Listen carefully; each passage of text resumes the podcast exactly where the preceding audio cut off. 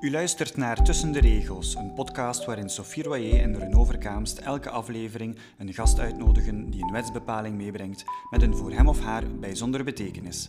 Met verhalen over markante rechtszaken, opmerkelijke histories of intrigerende anekdotes brengen zij dode letters tot leven. Ine van Wijmers is procureur des Konings van het parket Halle-Vilvoorde.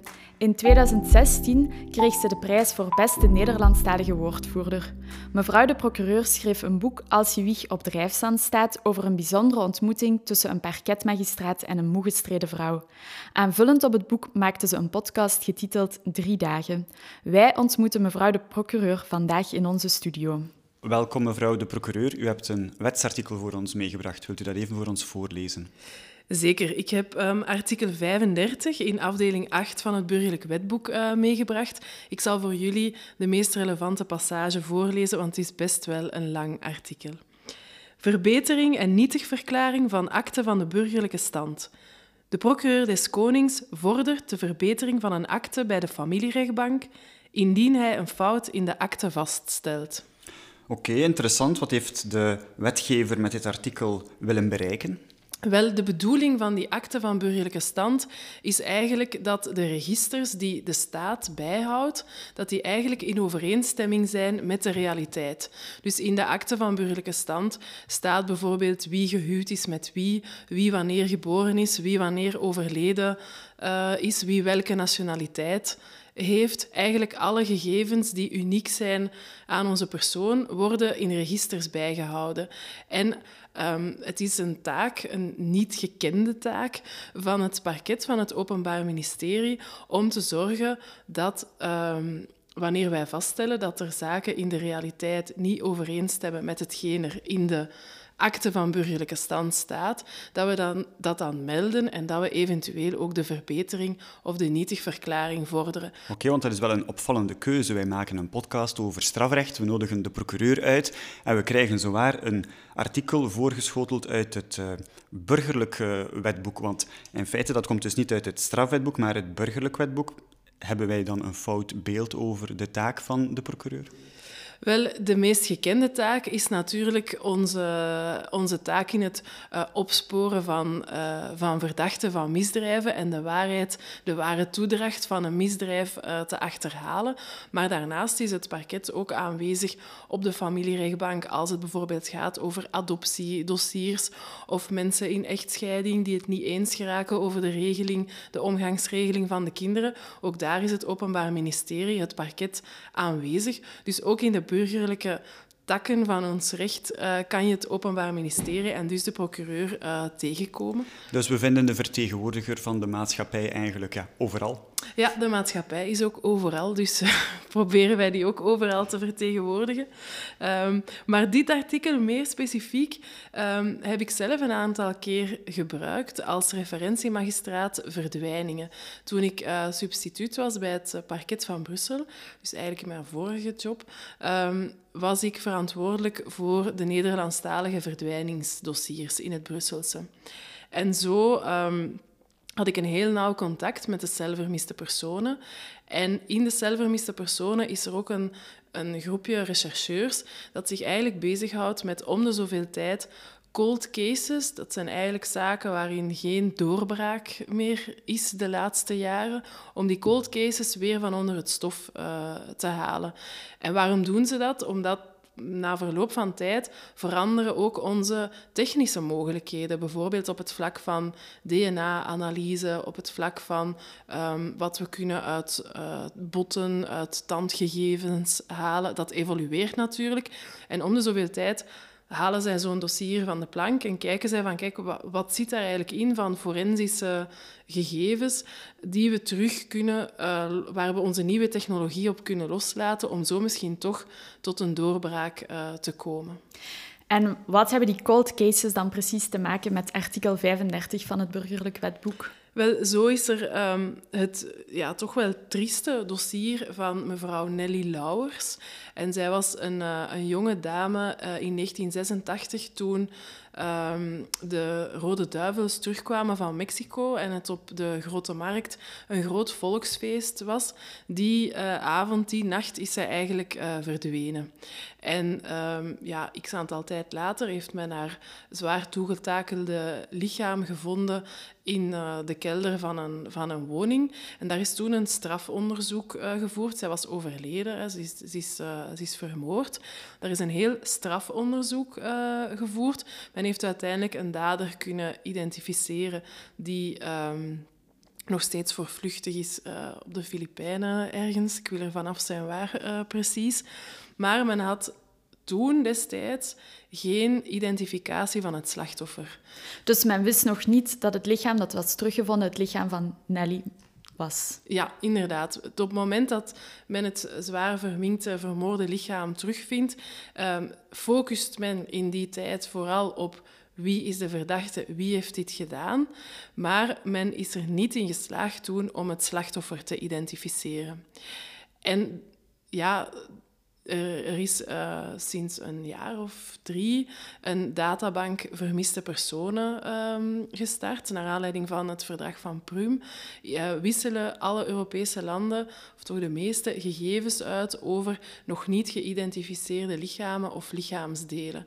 Dus alle DNA van die lichamen of lichaamsdelen worden in die databank gegooid. Uh, minstens op Europees uh, niveau. En daar tracht men dan te kijken of er ergens een match is van DNA-referentiestalen die van de familieleden worden afgenomen.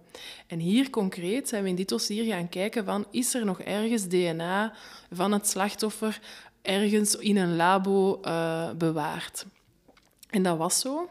En dus dit, het uh, DNA-staal van achteraf Nelly uh, gebleken, is ingevoerd als eerste staal in de Belgische DNA-databank. En zo um, zijn we er na forensisch onderzoek op uitgekomen dat het dus eigenlijk om Nelly Lauwers gaat, die door haar familie als vermist was opgegeven destijds. En zo kreeg dossier X toch een, uh, toch een naam. Zo, ja, zo kreeg het slachtoffer eigenlijk uh, in dat dossier een naam. En zijn we ook de nabestaanden kunnen gaan uh, opzoeken.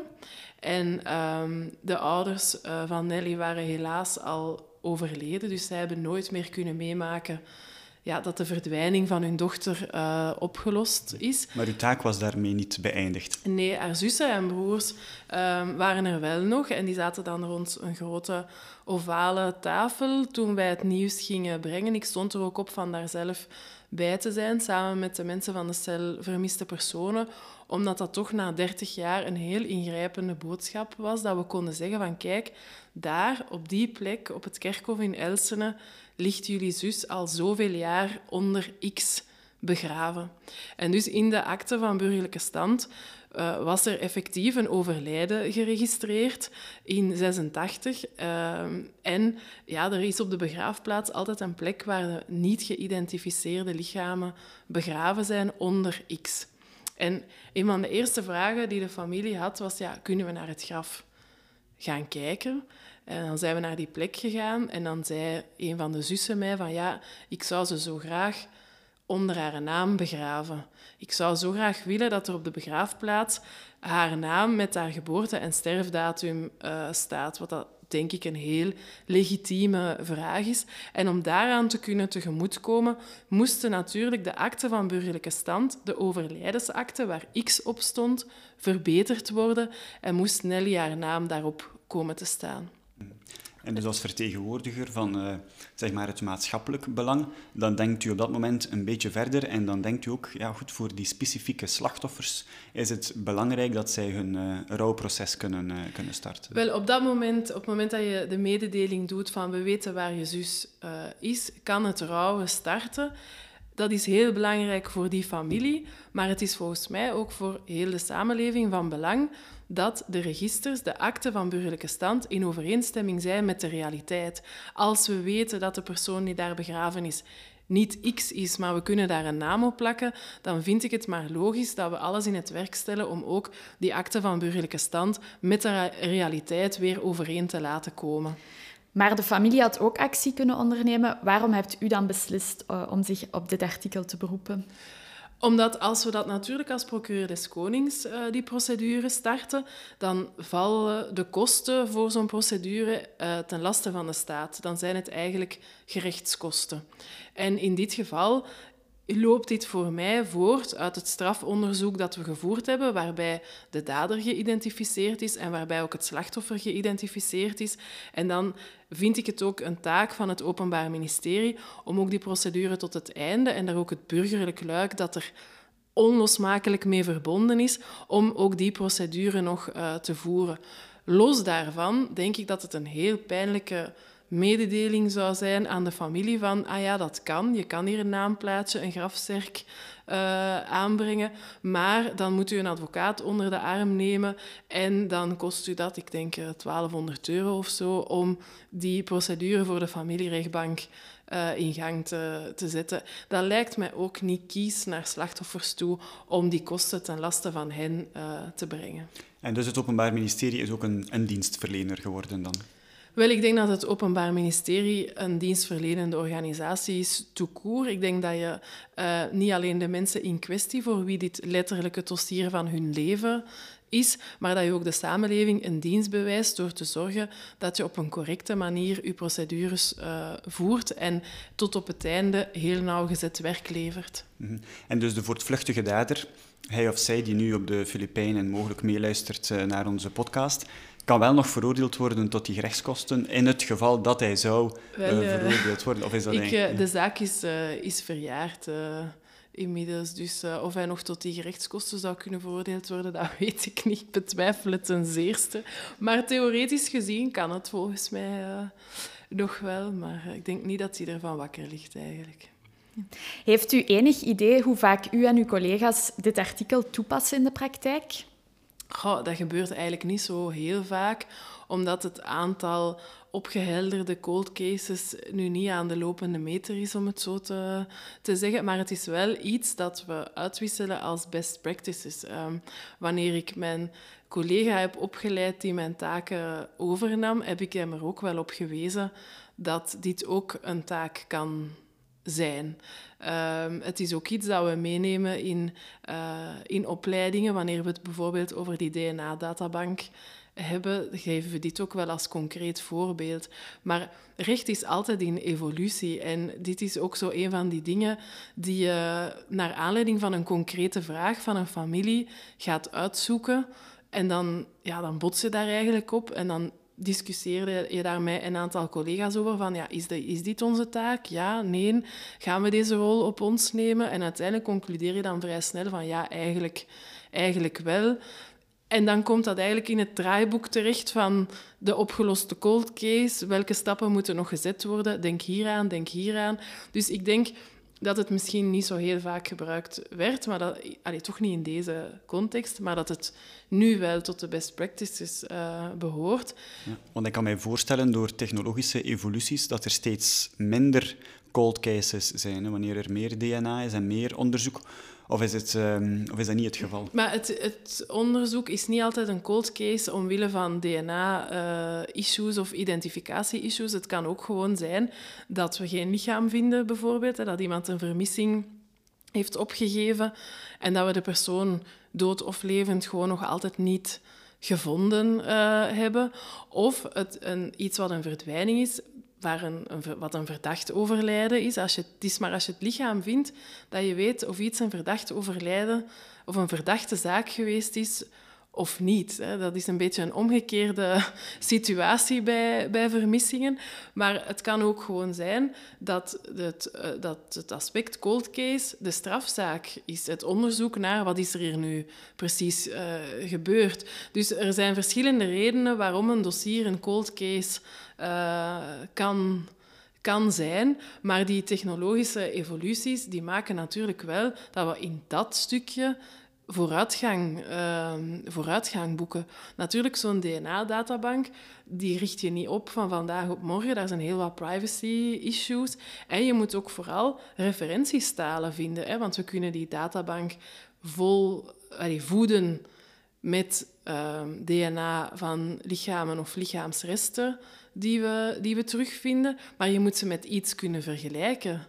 Natuurlijk. En als je niet weet wie het is, is het niet, makkelijk, is het niet evident om te gaan zoeken naar referentiestalen. Hè. Dan moeten eigenlijk ehm, ja, bij elke vermissing, het eerste wat de mensen van de cel vermiste personen gaan doen, is bij de vermiste thuis gaan en die zijn tandenborstel uh, in beslag nemen, net om er DNA uit te halen, om dan in die databank te steken. Dan heb je een referentiestaal. Het is dus niet zo dat uh, standaard het DNA van de familieleden eh, van vermiste personen in die databank terechtkomt? Niet systematisch, omdat dat ook niet altijd nodig uh, is. Hè. Er zijn verschillende manieren om een lichaam te identificeren en dat hoeft niet altijd via DNA te zijn.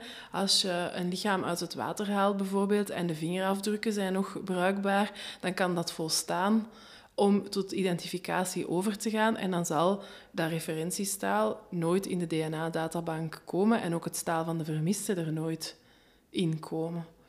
Dus je moet eigenlijk echt dossier per dossier gaan kijken wat de nuttige stappen zijn. En ja, aan databanken zijn altijd heel strikte regels verbonden. Het is niet zo dat bij de geboorte van elke baby dat we DNA afnemen en dat we dat in de databank steken voor het geval dat die ooit vermist zou zijn of verdachte van een misdrijf. dat is soms wel de natte droom van elke parketmagistraat.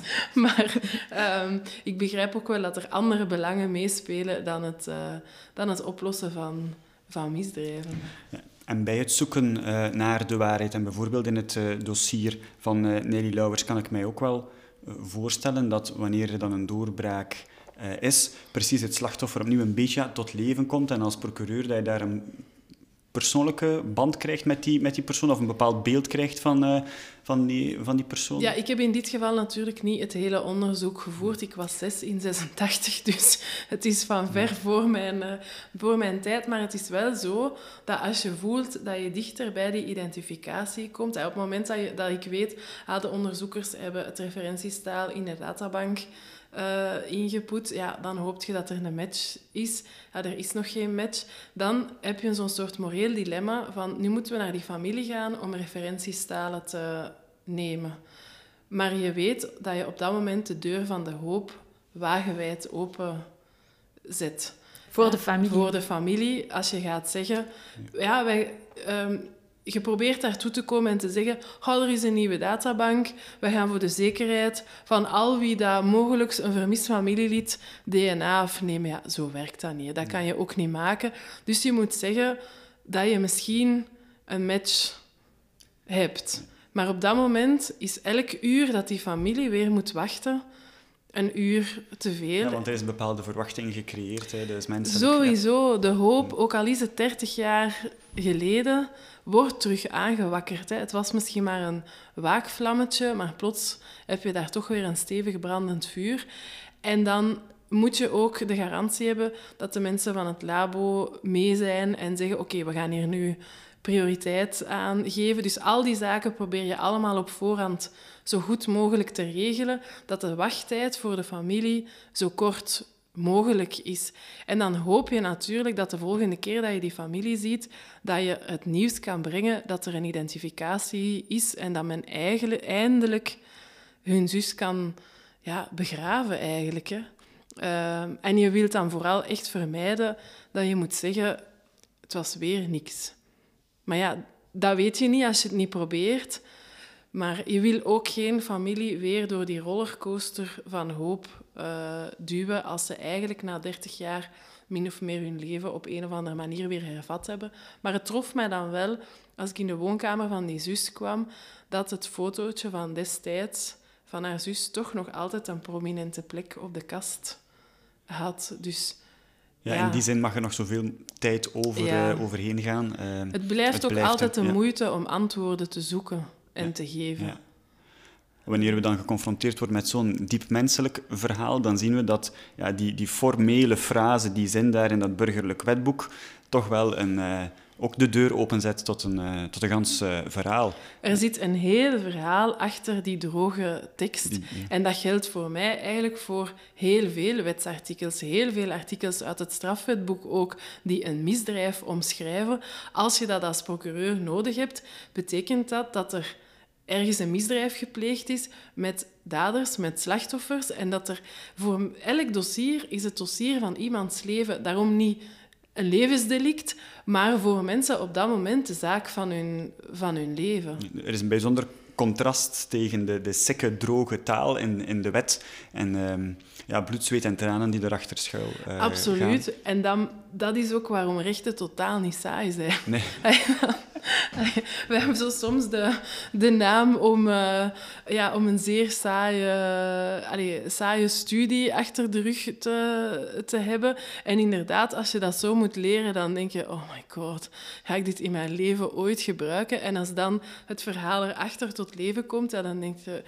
Ja, tuurlijk, meer van dat. Natuurlijk, die sekke, droge taal is wel nodig om het artikel op al die kleine of grote verhalen te kunnen toepassen. Als het artikel zelf al helemaal doorspekt zou zijn van details en hypotheses, ja, dan kom je noodzakelijkerwijs in een tunnelvisie terecht en dat mogen we echt niet voor hebben. Daar moeten we ons tegen verzetten. Dus hoe neutraler en en droger de bepaling, hoe makkelijker te, te, hanteren en toe te passen op concrete casussen. Dus het schrijven van wetteksten is uh, ook geen eenvoudige taak? Nee, want uh, de meest gedetailleerd opgestelde wetteksten vind ik het moeilijkst te gebruiken in de praktijk. Dus hoe minder woorden er nodig zijn om een wetsbepaling te maken, uh, hoe meer garanties, denk ik, op bruikbaarheid. En wat vindt u van artikel 35? Als u wetgever zou zijn, zou daar iets moeten uh, aangepast worden? Of zou er een aanvulling nodig zijn? Of uh, denkt u dat die, uh, die droge tekst voldoende, Wel, voldoende zich, mogelijkheden biedt. Als men ervoor kiest om een procedure voor de, voor de familierechtbank uh, als oplossing te bieden, dan is dit artikel perfect bruikbaar.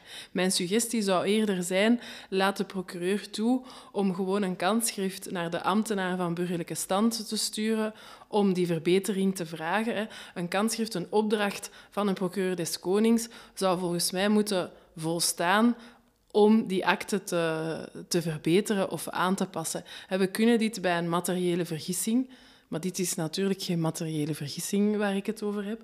Ehm, dus als men nog de garantie van een rechter wil, is dit een perfecte procedure. Als men zegt, kijk, procureur, wanneer u aan het einde van uw onderzoek vaststelt dat X geïdentificeerd kan worden of samenvalt met uh, persoon Y, kan u eenvoudig de opdracht tot verbetering geven aan de ambtenaar van burgerlijke stand. Ja, dat zou de zaak natuurlijk vereenvoudigen en zou ook het kostenplaatje naar beneden uh, halen.